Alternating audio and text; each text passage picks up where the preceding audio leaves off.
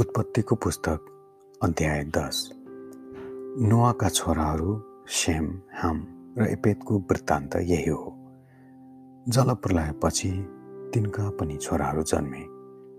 एपेतका सन्तान एपेतका छोराहरू Gomer Magog Madai Javan Tubal Meshech र तिरास। गोमेरका छोराहरू असतनज रिपद र तोगरमा।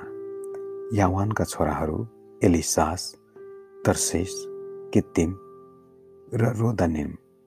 यिनीहरूबाट नै समुद्र तटवासीहरू तिनीहरूका देशभित्र प्रत्येकको आफ्नो भाषा र जातिअनुसार फिजिए। हामका सन्तान हामका छोराहरू कुश मिश्रैम पुत र कनान। कुशका छोराहरू सेबा हबिला सप्ता रामा र सप्तका। रामाका छोराहरू सेवा र ददान। कुश तिम्रोदका पिता भए। यिनी नै पृथ्वीका पहिलो शक्तिशाली पुरुष भए। यिनी पर प्रभुको सामु शक्तिशाली सिकारी थिए। यसैले निम्रोद जस्तै परमप्रभुको सामु शक्तिशाली सिकारी भन्ने आह्वान चलेको छ। उनको राज्यको सुरु बाबेल एरेक अक्कद कल्हेनबाट भयो।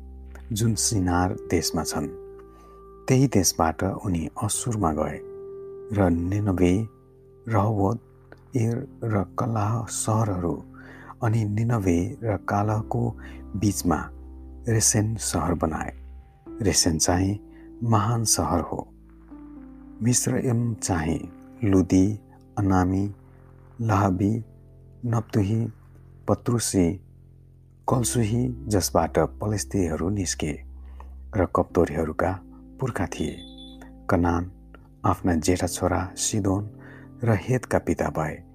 कनानबाट हित्ती एबुसी एमोरी गिर्गासी हिब्बी अरकी सिनी अर्वादी सेमारी र हमातीहरू उत्पन्न भए। त्यसपछि कनानका वंशहरू जताततै फिजिए। कनान देशको सिमाना सिदोनदेखि गरार जाने बाटोतिर गाजासम्म र सदोम गमोरा अदमा सबोइम जाने बाटोतिर भएर लासासम्म थियो। हामका छोराहरू उनीहरूका वंश र भाषाअनुसार र उनीहरूका देश र जातिहरू यिनै हुन्। सेमका सन्तान एपेतका भाइ सेमका पनि छोराहरू जन्मे। सेम अबेरका सबै सन्तानका पुर्खा थिए। सेमका छोराहरू एलाम असुर अर्पछद लुद र अराम थिए।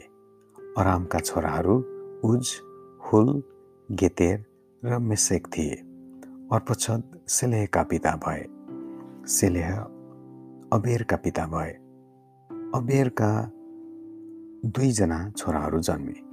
एउटाको नाम पेलेक थियो किनभने उनकै समयमा पृथ्वी अलग अलग भागमा बाँडियो। उनका भाइको नाम योगतान थियो। योगतान अलमुदद सेलेब हर्षविद एरह हदोरम उलाज दिक्ला ओबाल अब्मायल सेवा ओपिर हबिला र युबाबका पिता भए। यी सबै योगतानका छोराहरू थिए।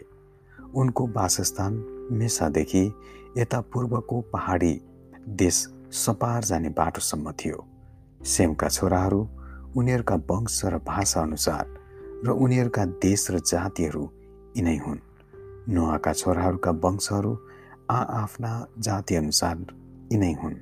यीबाट जलप्रलयपछि पृथ्वीमा जाति जाति अलग अलग भएर जताततै फिजिए।